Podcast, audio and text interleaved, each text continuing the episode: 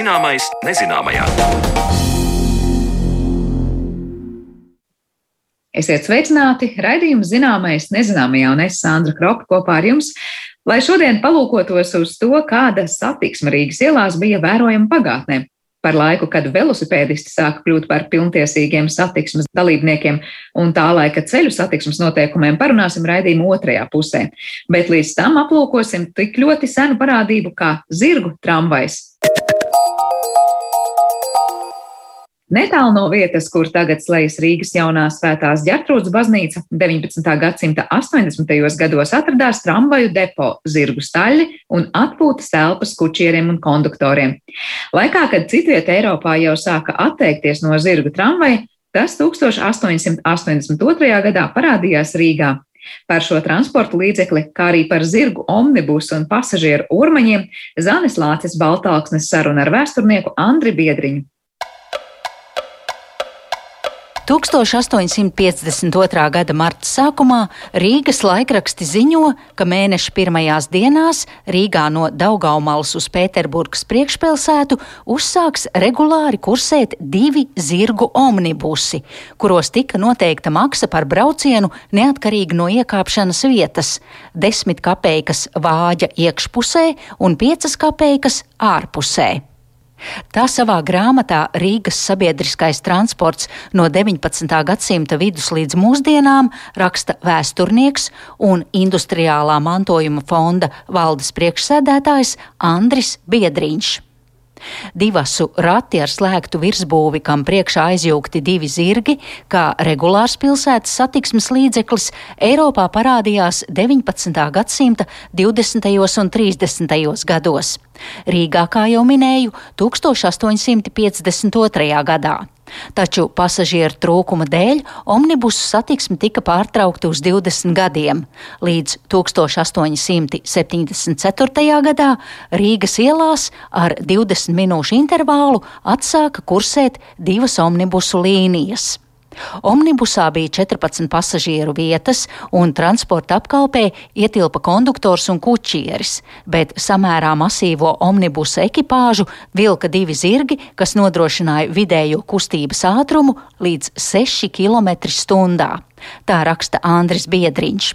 Bet tālāk pats grāmatas autors stāsta par to, kā Rīgā ienāca zirgu tramvajs un kāpēc tas izkonkurēja omnibusus tā pārvietošanās pa sliedēm jau ir vieglāka. Viss riteņi ripo vieglāk, ātrāk, var vairāk pasažierus pārvadāt, un tas jau bija zināms progress salīdzinot ar ormaņiem vai zirga omnibus, jo te varēja piekabināt vairākus vagonus, izvietot vairāk pasažierus, un tas zirgs vieglāk varēja pavilkt.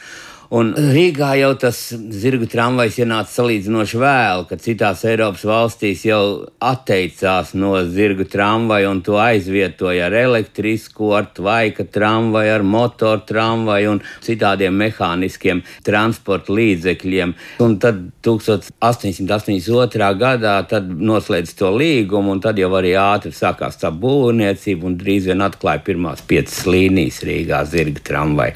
Vai jums ir informācija, kādus zirgus izmantoja, vai bija speciāli kādu vilcēju, darba zirgu šķirni un cik zirgi tika aizjūgt priekšā tramvaju vagoniem? Bija, kad vilka vienu vagoniņu, bija arī, kad divus vagoniņus vilka, un bija lielie vagoni, un mazie vagoni, un ziemas vagoni, un vasaras vagoni, un pārsvarā jau bija ar diviem zirgiem, bet vilka arī ar vienu zirgu. Un, nu, kā aprakstīts, tad tie nav bijuši vietējie zirgi, bet tādi speciāli no Tambovas gubeļņu zirgi, kas te tika ievērsts šim nolūkam. Un viņiem bija speciāli staļļi, un kopā ar, ar tiem konduktoriem vai zirgu, kā lai saka, kučieriem, telpas, kur atradās zirgi, un līdzās arī atradās tās telpas, tur, kur atpūtās tie kučieri.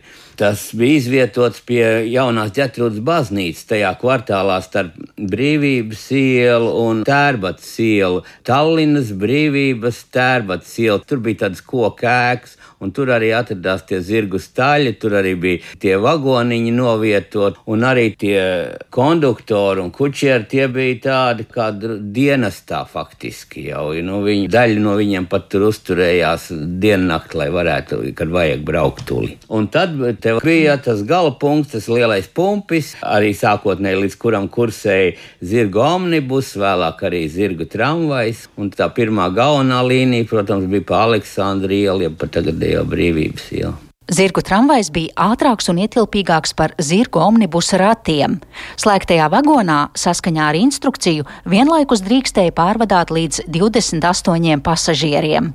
Tomēr cilvēki arī sūdzējās par šī transporta līdzekļa radītajām blakus parādībām. Un bija jau arī daudz sūdzības cilvēkiem. Nepatika, ka tie zirgi tur nokārto savas vajadzības, un dažās vietās, kur viņi stāvēja, tur bija diezgan smirdēja. Bija gan viss jāsavāc, protams, bet nu, tās mazās vajadzības jau tāpat viņi tur nokārtoja. Tā, tā bija arī sūdzības par tām lietām. Laika gaitā zirgu tramvajus nomaina elektriskie, un 20. gadsimta sākumā, pēc pusgadsimta ilgas kursēšanas, zirgu tramvaji savu darbību Rīgas ielās izbeidza. Bet zirgus izmantoja vēl ilgāk, arī, ja mēs atgriežamies pie zirga ielas, dzelzceļa un zirgu eh, tramvaja, kā saka, tad tramvaja dienestā zirgus izmantoja vēl ļoti ilgi pēc otrā pasaules kara, jo bija tie saucamie rati, pārbaudēji, nu tā tādi kontakttīkla pārbaudēji, kur nu, nevilka pašu motoru vagonu, bet izmantoja zirgus. Taču ormaņu rati tie pastāvēja vēl pirms omnibusiem un zirgu tramvajiem, un arī pēc tiem. Lai arī ormaņu apdziedātājs dzēnieks Aleksandrs Čaks raksta, zvārguļu skaņas, ormaņu zvārguļu skaņas tagad tik reti ziemā uz bulvāriem trīs, īs bija viņa mūžs. Tomēr vēl ilgi pēc šīm 20. gadsimta 30. gados rakstītajām rindām Rīgas ielās kursēja ormaņa vadīti zirgu vilkti pasažieru rati. Tur man tas bija tā teikt, vienāda dzīves zīme, varētu likt ar mūsdienu taksometru. Kad nebija vēl zirgu tramvajs, kad nebija citi transporta līdzekļi, tad jau arī nebija nekāda cita izvēle. Tad jau Ormans bija vienīgai pilsētā, vai arī bieži vien ārpus pilsētas vajadzēja pārvietoties. Tad jau nebija alternatīva kaut kāds sabiedriskais transports. Tas jau arī bija gandrīz vai vienīgais sabiedriskais transports. Nu, ormaņa rati, dažādi varianti bija. Viņas būvēja uz vietas, ir ziņas par to, poļu variants, kaut kāds vācu variants, kur iepirkt tās saucamās droškas, viņas arī sauc. Un, un tādas līdzīgā veidā viņi kalpoja līdz pat otram pasaules karam un arī pēc otrā pasaules kara līdz pat 60. gadiem. Vēl 58. gadā ir ziņas par kaut kādiem sešiem ormaņiem, kas Rīgā palikuši. Tā kā tā diezgan ilgi ilgi tas transports kalpoja. Vietējā policija izsniedz ormaņiem uz viņu lūguma katru gadu braukšanas atļauju, apliecības, kurās ieved ormaņa vārdu, uzvārdu un dzīves vietu, un kurai jāatrodas pie ormaņa braukšanas laikā. Bez tam katram ormanim jābūt pie ratiem vai kamanām pakaļpusē, kā arī pie ormaņa sēdekļa, pasažieriem redzamā vietā piestiprinātam numuram. Ormaņu ratiem un kamanām jābūt pastāvīgi tīriem. Augstā laikā, sākot ar 5 grādu salu, ormaņiem vajag būt pienācīgi siltām zirgu segām, ar kurām jāsasadz zirgi pa stāvēšanas laiku. Ormaņiem vispārīgi ar zirgiem ir jāpietas saudzīgi. Tā pagājušā gadsimta 20. gados tiek rakstīts ne tikai Rīgas, bet arī citu Latvijas pilsētu ormaņu satiksmes noteikumos bet viens, kas ir rakstīts vārds, un otrs - reālā dzīve. Rīgā bija diezgan strikta kārtība. Rīgā sākumā bija brālība, jā, kurā apvienojās. Jo sākotnēji jau tie ormaņi bija vairāk arī kā kraus pārvadātāji no ostas, kaut kādas kraus. Un, Tur bija jau kopš 15. gadsimta jau, jau ir ziņas par to brālību, ormaņu brālību. Ja, tad, bet eh, tad, kad jau tā masveidā sāk izmantot tieši cilvēku pasažieru pārvadāšanai, tad tika izstrādāts stingrāk noteikumi. Tur gandrīz tā kā tagad auto īpašniekam bija, ka vajadzēja iet katru gadu apskati, un viņiem vajadzēja būt kārtīgi apģērbtiem. Savi noteikumi bija gan 19. gadsimta beigās, jau pirmie tādi nopietnāki tika izstrādāti izstrādāt, gan vēlāk arī starpkara periodā ļoti stingri skatījās. Bet nu, tie ormaņi diezko kārtīgi vienalga nesot bijuši, un, un daudz neizgāja to apskatu. Tur bija minēts, ka viņi arī nedrīkst dzert, jābūt glīti apģērbtiem, tīriem, jāuzvedās pieklājīgi, bet parasti, kā saka, lamājās kā furmaņi, un, un, un, un iedzeršana tā jau bija parastā lieta, un dzērumā arī gadījās visādi avārijas. Par to tā laika presē diezgan daudz rakstīts. Tā 1932. gada laikrakstā Kurzemes vārds varam lasīt, kā aizmiguša ormaņa dēļ ir izcēlusies katastrofa. Viegla automašīna ir saskrējusies ar ormani, kurš uz bukas ir bijis iemidzis, un kad šoferis tam devis signālu, ormanis apjukumā pagriezis zirgu uz nepareizo pusi, tā kā ar ilgsīm iebraucis auto logā. Šoferis ievainots ar logas stiklu drumslām, bet ormanis novēlies no bukas. Vai jūs esat pētījis, kādas bija tās konkurences attiecības Latvijas pirmās brīvvalsts laikā, kad jau sāka parādīties Rīgā automobīļi, zirgs vai mašīna, citējot, jā, filmu cilvēku bērns? Latvija jau salīdzinoši, tomēr tas autotransports jau ienāca starpkara periodā daudz un parādījās autobusu un, un taksometru un privāti automobīļi, bet relatīvi uz Rietuma Eiropas fonu tas īpatsvars nebija tik liels. Tā kā ormaņiem nekāda lielā konkurence nebija, un arī viņi tās cenas bija zemākas, un viņi bija vieglāk pieejami, un tur īpaši vasaras laikā cilvēki deva priekšroku ormanim, un tā kā tādi īsti konkurenti nebija. To skaits jau arī bija daudz, ja nemaldos, 39. gadā minēts 600 vai vairāk ormaņu bija, kas darbojās. Tā, tā kā tas jau arī norāda, ja jau tas autotransports būtu vai tie taksometri saucamie būtu viņus izspieduši, tad jau nebūtu tik daudz. Un pēc kāra jau atkal bija tas, kad arī bija problēmas, kad ne, nebija jau tas transports bija iznīcināts, tad atkal bija vajadzības. Tas jau tas pats stāsts par to zirgu tramvaju pēc Pirmā pasaules kara. Citās vietās, kur nebija elektrība, pārdaugavā izmantoja zirgus, lai vilktu vagoniņus. Tā kā kaut kādā tādas krīzes laikos pie tā atgriezās. Kaut gan bija jau, jau citas tehnoloģijas, citas iespējas, bet tas zirdziņš tika izmantots. Par ormaņa beidzamām gaitām var lasīt laikrakstā Zvaigzne 1957. gadā, kur teikts, ka ormaņu laikmets ir pagājis un vairs neatgriezīsies smēj vai raudi. Atliek tik noskatīties, kā pēdējie mohikāņi aizklikstina pa asfaltu. Paldies Zanē Lācē Baltalksnē par sagatavoto stāstu, bet par laiku, kad Rīgas ielās parādās pirmie velosipēdi un kādi tad savulaik bijuši noteikumi velosipēdistu vadītājiem, saruna pēc brīža.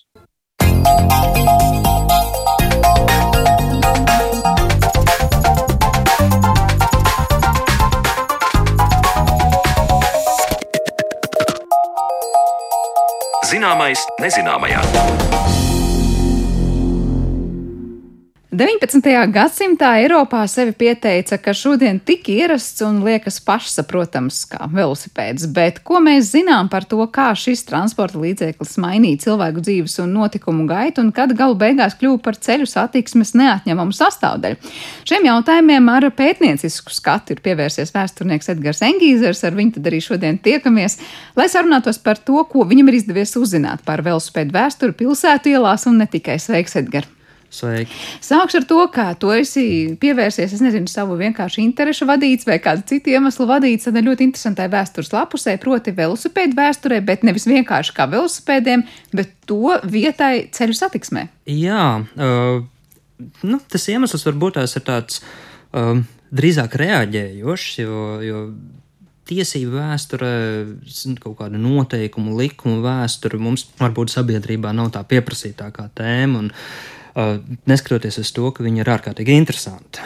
Bet tas pamudinājums pievērsties šim jautājumam bija kādu laiku atpakaļ. Šķiet, ka tie ir divi gadi, kad uh, bija ļoti plašas diskusijas sabiedrībā par elektroskrējējiņiem.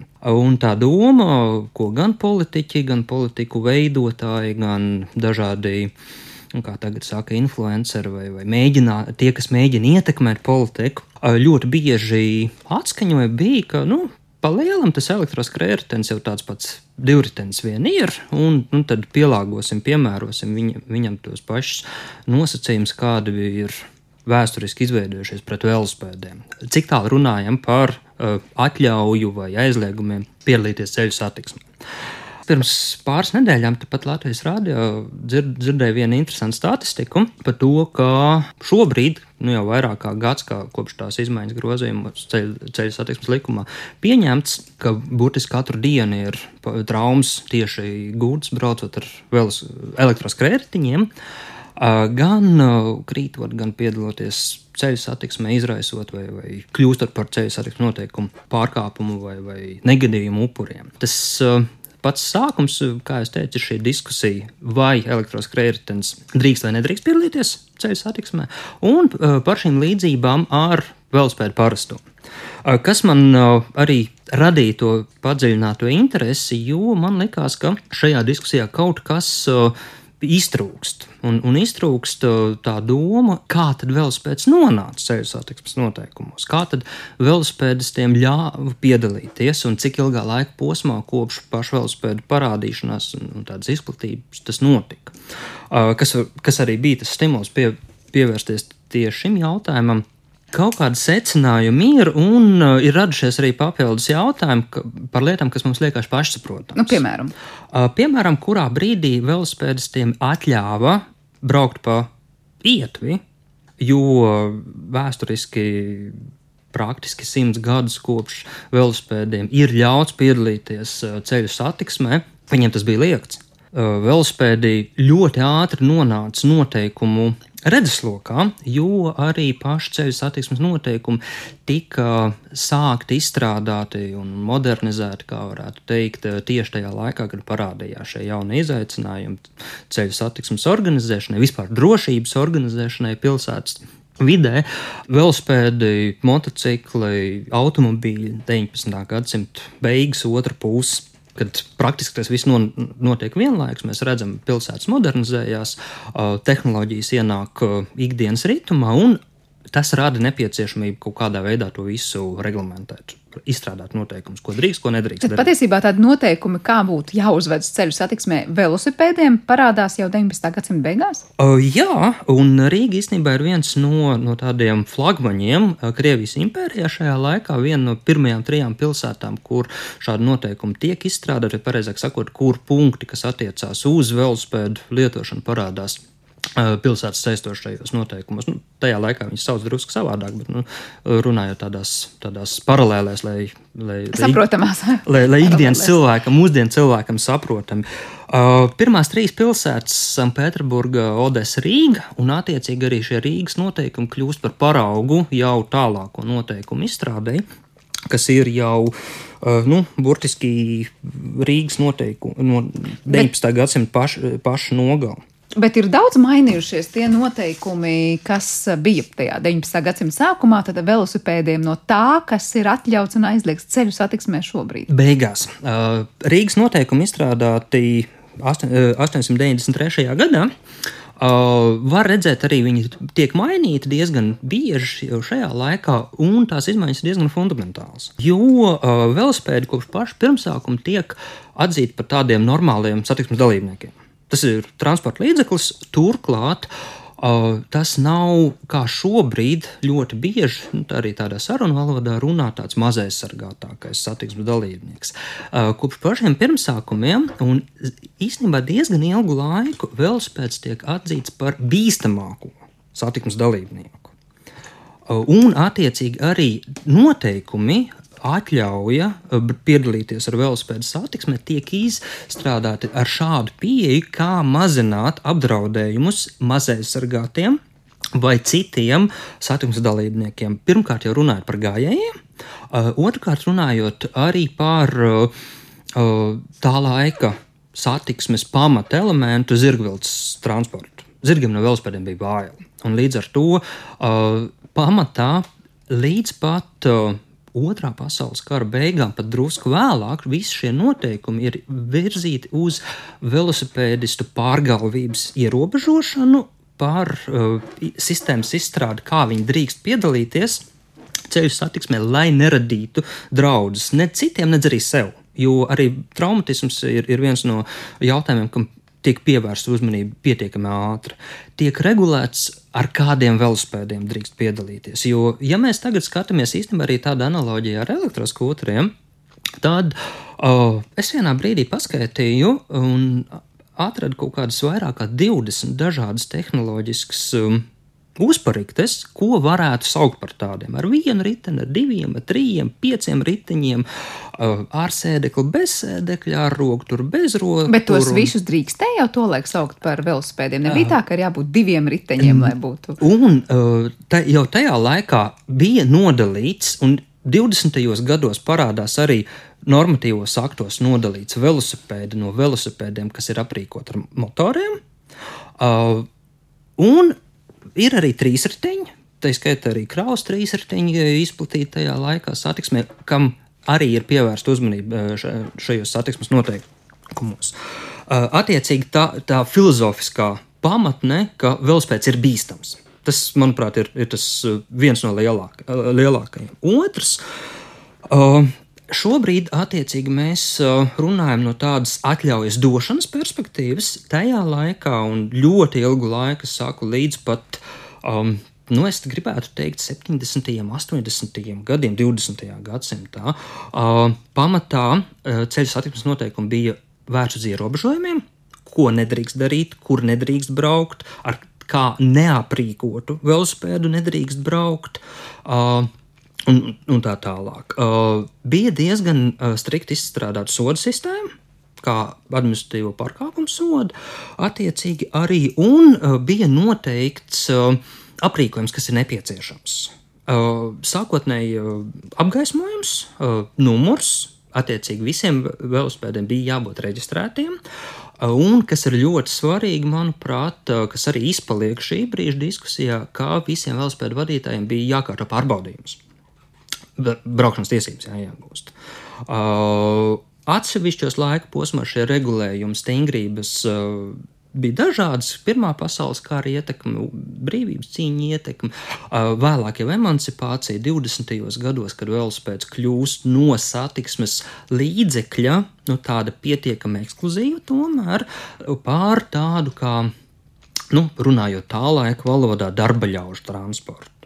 Pirmo reizi parādās šis uh, mobilitātes jautājums. Ka... Tad kurā laikā patiesībā pārvietoties ar velosipēdu pārstāja būt nu, tāda luksusa lieta vai tāda iz, izredzēta vai turīgo lieta? Nu, tas ir 20. gadsimta sākums. Uh, sākotnēji velosipēds ir um, nu, tāds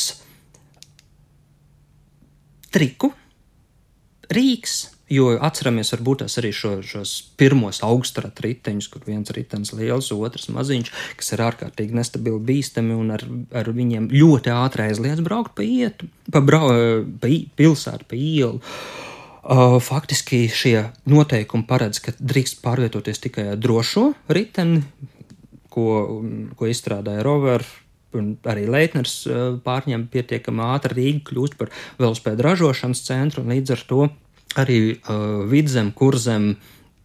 Latgale, teiksim, Vitebs gubernijas daļas kļūst par tādiem ļoti velospēdu piesātinātiem reģioniem, Krievijas impērijā, un tāpēc arī tie noteikumi tie izstrādājas drusku ātrāk nekā citur.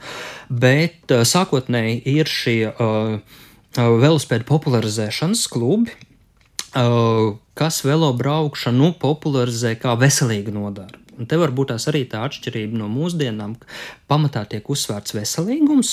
Maskas nu, šodien arī nav svešs. Uh, runājot par velospēdiem, jā, runājot par elektroskrējējiņiem, no, nu kā jā. paralēli, tad tas, tas ir, nu, es gribētu teikt, diametrāli pretēji varbūt tās. Uh, un attiecīgi tiek uh, veidotas atsevišķas vietas, kur ar velospēdiem drīkst braukt, treki, dažādi pilsētu svētki, velospēdas salidojumi. Līdz pat Pirmajam pasaules karam faktiski mēs redzam ļoti daudz akcijas, rīcības, lai popularizētu velobraukšanu. Bet, attiecīgi, tas ir tāds jauns, neskatoties uz to, ka pilsētvidē jau ļoti populārs pārvietošanās rīks. Mēs redzam, Rīgas vecajās fotokartiņās, nu, faktiski katrā pilsētas ainavā velospēds būs klātesošs. Bet, eh, ja mēs skatāmies tā ārpus Rīgas vairāk, tad, eh, nu, viņš ienāk ļoti pakāpeniski. Un tas jautājums ir arī par cenu pieejamību, paplašinoties ražošanai, ienākot jaunām rūpnīcām, tepat Lat Latvijā, kas izveidojas konkurence attiecīgi un, un tā tālāk un tā joprojām. Tad sanāk, ka pilsētās noteikti velosipēds sevi pieteica daudz izteiktāk un ātrāk, un nebija tā, ka tas tāds ideāls pārvietošanās līdzeklis lauku teritorijās. Patiesībā viņš nonāca, tas nonāca laukos krietni pēc pilsētas nevarētu teikt, ka ļoti, ļoti ilgu laiku posmu. Bet, bet nu, protams, katrā ziņā secība nebija otrāda. Pro, protams, jā, jo mēs runājam par uh, 19. gadsimtu otras puses modernizāciju un, un visu šī tehnoloģiskā revolūcija, kas no Anglijas, Francijas urbanizētajiem reģioniem ienāk Krievijas urbanizētajos reģionos, Baltijā, kopumā Rīgā, kā lielākajā ražošanas centrā. Protams, tas Tas ir tāds jaunā laikmeta gars, kas īstenībā arī tiek ļoti izcelts šo noteikumu izstrādes un mainīšanas laikā, jo uh, tas ir veids, kā modernizēt sabiedrību, kā palielināt sabiedrības emancipāciju caur šo mobilitāti. Turklāt, uh, kas īstenībā mūsdienās varbūt tās arī tā, tā interesanti varētu likties, kā tiek piemēram, saimnes debatēs ļoti bieži uz, uzsvērts tieši sieviešu emancipācijas jautājums, jo sievietes arī ļoti bieži salīdzinoši ar viņiem brauc. Es gribēju tieši vaicāt, kurš eh, drīkstēja un kā sākumā, kā, kam bija ļauts vispār ar velosipēdu pārvietoties, vai mēs te sākumā jau uzreiz runājam par to, ka arī sievietes varēja braukt, vai tam bija jāpiet laikam, lai ļautu arī sievietēm pārvietoties ar velosipēdu uh, pilsētā. Ja mēs runājam par to, kas drīkst ar viņiem braukt, tad diezgan ātri, ņemot vērā šo tiesību nokārtošanas jautājumu, parādās vecumcēnas kurš ir atšķirīgs eh, dažādās pilsētās. Nu, tā kā tie ir pilsētu noteikumi, tad šie noteikumi dažādās pilsētās ir, ir nedaudz atšķirīgi. Nu, piemēram, kādi tur uh, nu, piemēram, piemēram, Vitebs guberņā, Vitebskā pašā arī un Daugopilī bija noteikts, ka velospēdu braukšanas tiesības var iegūt no 17 gadu vecuma kas ir īstenībā diezgan augsts uh, slieksnis. Rīgā uh, 16, 14 gadi. Tas varbūt tas salīdzinām arī ar mūsdienām, ja mēs tā no noteikumiem izējām. Bet uh, Ir, eh, ir šī eh, kā, eh, eksāmena kārtošana, attiecīgi tiek izstrādātas komisijas, kas ir gan policijas, gan velobraukšanas biedrības ko, kopīgi veidotas. Tiek noteikti nodokļi velospēdiem, lai saņemtu šo braukšanas atļauju, šo, šo numuru. Katru gadu ir jāmaksā nodoklis, ko pilsēta uzskatīja par līdzvērtīgu ienākumu gūšanas avotu, kā auto vai motociklu atļau, braukšanas atļauju izdošanas. Līdz ar to uh, tā paralēle ar ceļu satiksmes noteikumiem kopumā uh, līdz pat 20. gadu beigām ir, ka velosipēds ir, nu tā teikt, uz vienu plauktiņu ar motocikliem un automobīļiem. Tur uz tiem attiecās arī kaut kāda tehniskās prasības un pārbaudas. Ja mēs runājam līdzībās, piemēram, ar automašīnām, tad nodoklis tieši tāpat, numurzīme, reģistrācija tāpat. Obligātā tehniskā apskata bija kaut kas tāds. Uh, nav tādas obligātās tehniskās apskates, bet ir obligātie noteikumi, kam ir jābūt velospēdam. Uh, viens no šiem noteikumiem ir pats numurs. Uh, otrs, uh, kas salīdzinoši ātri parādās, bet nu, ne pašā sākumā, tāpēc ka uh, tehniski tas vēl nebija iegājies, ir bremzes. Pirmie riteņi nebija aprīkoti ar bremzēm. Bremzes parādās tikai 898. gadā. Tas ir kādus piecus gadus pēc tam, kad riteņus sāk ražot tepat Rīgā. Uh, un uh, diezgan ātri noteikumos parādās, ka drīkst braukt tikai ar uh, tā saucamajiem drošajiem riteņiem. Nu, tie tie riteņi, kam abi rati ir vienādi izmēri un ķēdes pārvades. Nu, tā kā mūsdienās šie izplatītie attiecīgi ar visādiem, nu, tā, to, ko mūsdienās saukt par ērmriteņiem un, un tam līdzīgiem velospēdu izstrādājumiem, ar tādiem braukt nedrīkstēja jau to, to laiku. Bet kāds to kontrolēja? Uh, to kontrolēja policija un uh, uh, policmeistari diezgan bieži arī uzlika sodus par to. Uh, tā, tas ir tas galvenais avots, kas, kas ļauj run, skatīties, kas, kam ir jābūt un uh, kā tas tiek pārbaudīts. Uh, ir jābūt apgaismojumam, uh, balta gaisma priekšā, sarkanā aizmugurē, un arī šo ļoti stingri kontrolēja. Uh, un uh, kontrolēja, bet tas varbūt tās attiecās nevis uz aprīkojumu, bet uz uzvedību, uz, uz ceļu braucamās daļas, kā bija aizliegta pārgalvība braukšana, ātra braukšana. Uh, un uh, nu, to, ko tajā laikā sauc par figurālu braukšanu, dažādu figūru izpildīšanu, dažādu triku izpildīšanu, braukšanu bez rokām, bez ne, neliekot kājas uz pedāļiem un tā tālāk un tā joprojām. Nu, tā, tas, ko mūsdienās varētu saukt par bīstamu braukšanu uz ceļa. Uh, tika kontrolēta un sodīta attiecīgi braukšana alkohola reibumam. Nu, būtiski tie paši vispārējie noteikumi, kas attiecās gan uz uh, motocikletu, gan uz uh, automobīļu, gan arī zināmā mērā uz pajogu braukšanu. Jo uh, bīstama braukšana tiek apkarota pilnīgi visa, uh, visos transporta līdzekļu veidos, ņemot vērā, ka šie satiksmes noteikumi pamatā ir vērsti pirmkārt uz gājēju drošību, un pēc tam jau tikai uz visu pārējo mm, teiksim, tā, brauktos iekārtojumu, ja, ja mēs tā mūsdienu terminoloģiju piemērojam. 28. gadā bija eksperiments par šīs reģistrācijas un nodevas atcelšanu, un uz vienu gadu atcēla velospēdu reģistrāciju. Bet jau nākamajā gadā pie viņas atgriezās, ņemot vērā uh, pārkāpumus, ko velospēdis bija izdarījuši, ņemot vērā to, ka bez numura nav iespējams identificēt, kurš ir vainīgais, un ņemot vērā to, ka krasi pieauga ceļu satiksmes negadījumu un traumu skaits. Tā kā tas jautājums, ka velosipēds kas arī jau no 19. gadsimta ir šis veselības uzlabošanas rīks, viņš uh, roku rokā iet ar, ar šīm traumām. Un 29. gadā jau atgriezās pie reģistrācijas un teica, nē, mēs.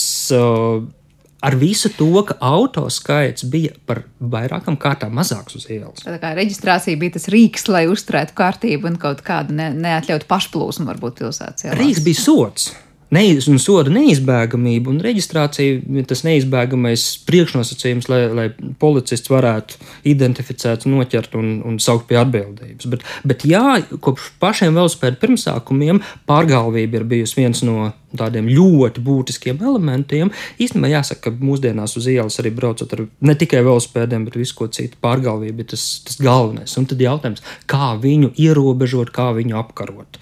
Bet eh, tajā brīdī, kad parādās gan automašīnas pilsētā ielās, gan šie velosipēdi pilsētā ielās, nav tā, ka nu, automašīnas ar savu ienākšanu likās, nu tagad gan ir kaut kas bīstams parādījies, un tie velosipēdi kļuva par tevi tādiem nebīstamiem un likās mierīgiem satiksmes dalībniekiem. Vai kā tur beigās eh, mainījās tās attiecības? Tas mainās ļoti ilgā laika posmā. Jo, ja pirmie automobīļi parādās jau tajā pašā 19. gadsimta beigās, mums ir jāsaprot, ka viņi ir ļoti mazi un arī viņi ir uh, stipri atšķirīgi no mūsdienu priekšstatu par automobīlu. Nu, tās ir tādas nu, motorizētas karietas. Vai, vai mehanizētas karietas, kā viņas nereti arī dēvē, un kur bija, uh, ja mēs skatāmies ārpus Latvijas, piemēram, Anglijā, tur pat bija tāda noteikuma, ka ir jāiet ar sarkanu karogu pa priekšu, lai viss brīdinātu par to. Brauc automašīna nosacītā. Tieši tā. Uh, bet uh, nošķirtības starp auto un velosipēdiem un motocikliem un velosipēdiem rodas, uh, nu, sevišķi runājot par motocikliem, uh, tikai 20. gados. Līdz ar viņu izplatības palielināšanos, jo viņi kļūst vairāk, jo uh, viņi arī iegūst uh, specifiskāku regulējumu. Un ar automobiļiem ir tieši tas pats.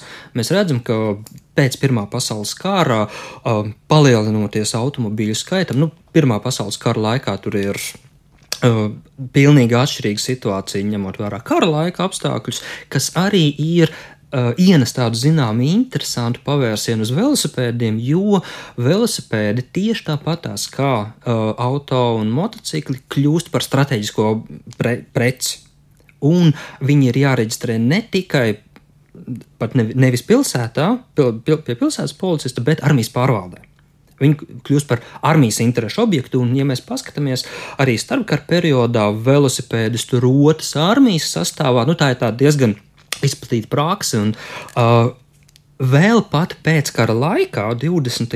gados, var redzēt uh, tādā gan birokrātiskā līmenī uh, noteikumu klāstā, gan arī politiskajās diskusijās, kad velosipēdi zināmā mērā, nu, teiksim, tā atļauja rīkoties ar velosipēdu, viņi tiek pielīdzināti ne tikai atļaujai braukt ar auto vai motociklu, bet arī ieroču atļaujai.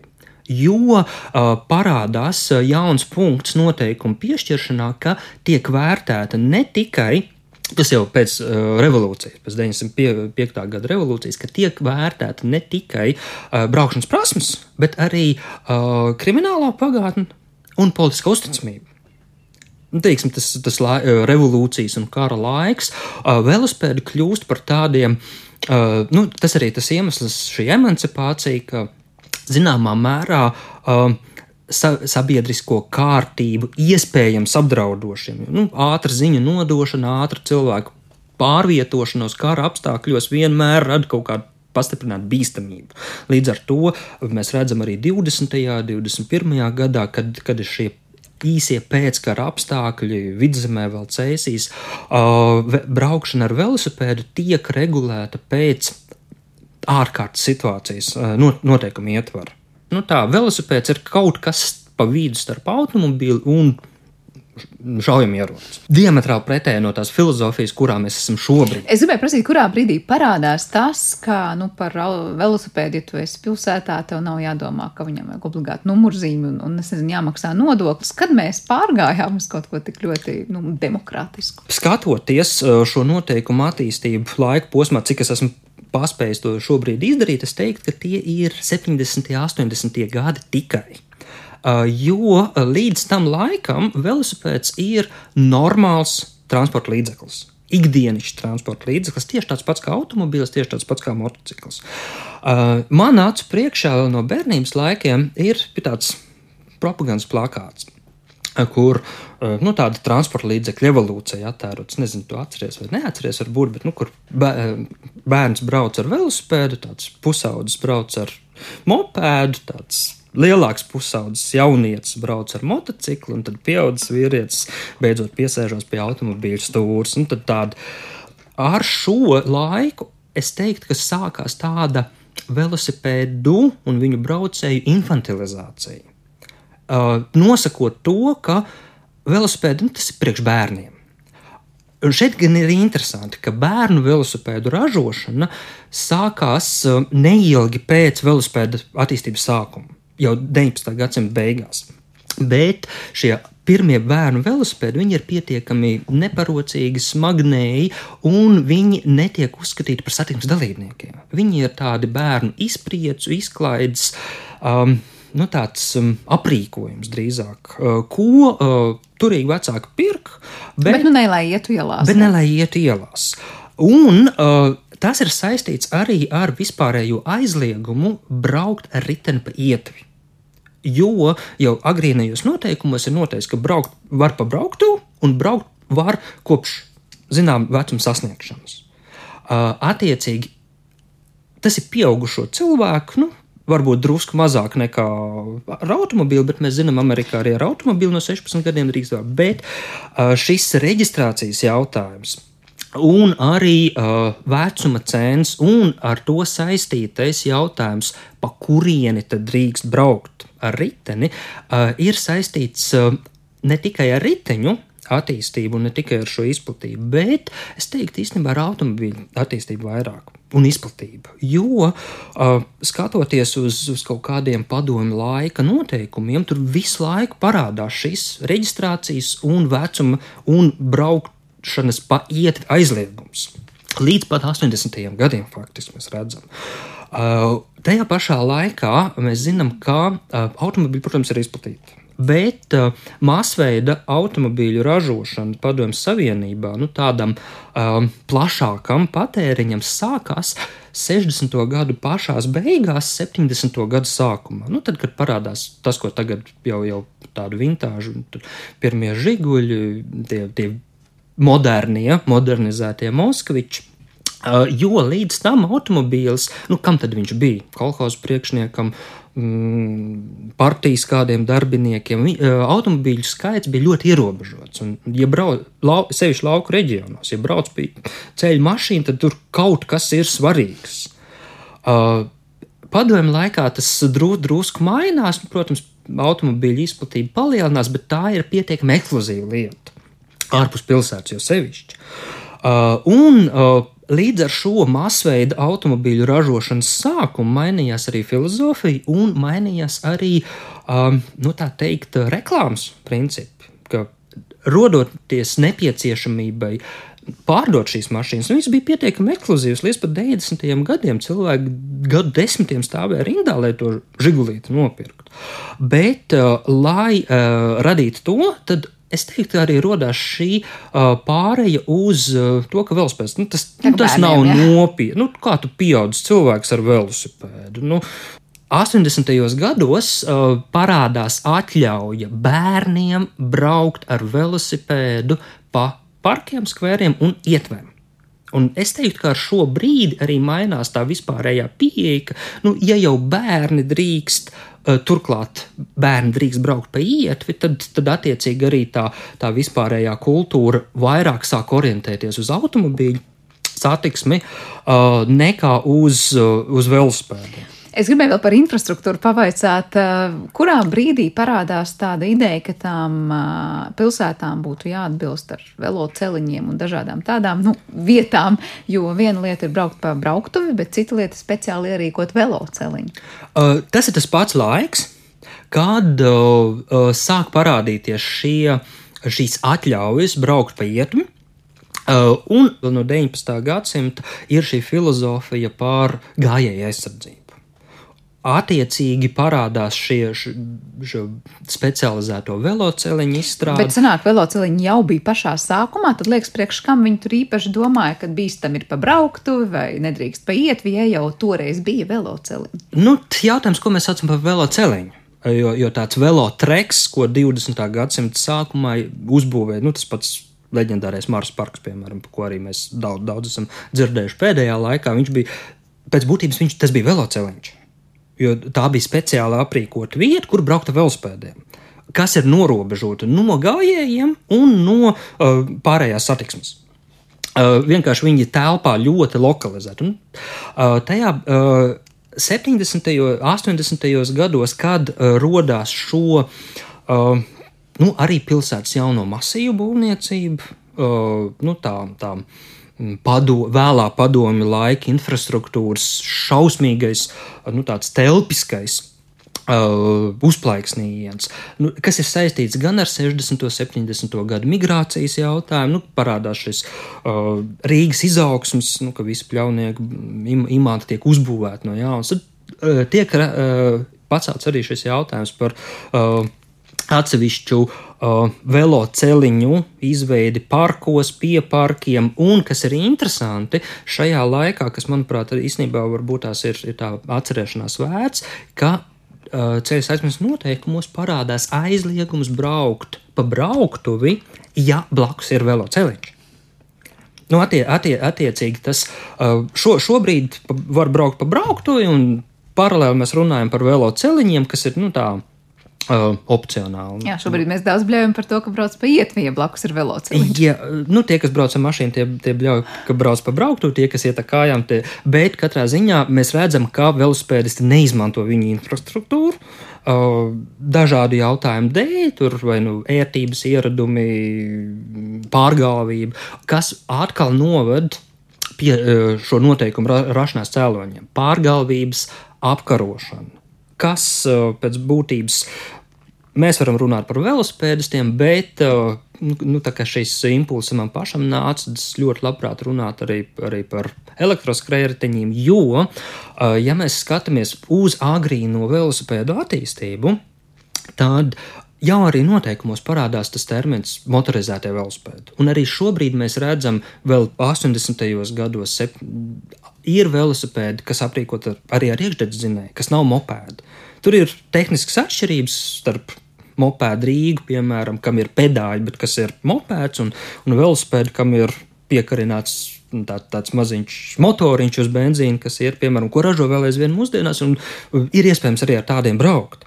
Uh, kur uh, parādās atšķirīgi uh, gan uh, nodokļu maksāšanas tarifi, gan arī šie, šie citi šie regulējumi. Tā kā jautājums, ko cilvēks saprot ar velosipēdu vai ar motorizēto velosipēdu. Un te es gribētu vilkt varbūt tās to paralēli arī ar skrējējiņiem, kā mēs runājam par, nu, teiksim tā, uzparekti, kam ir kaut kāds motors.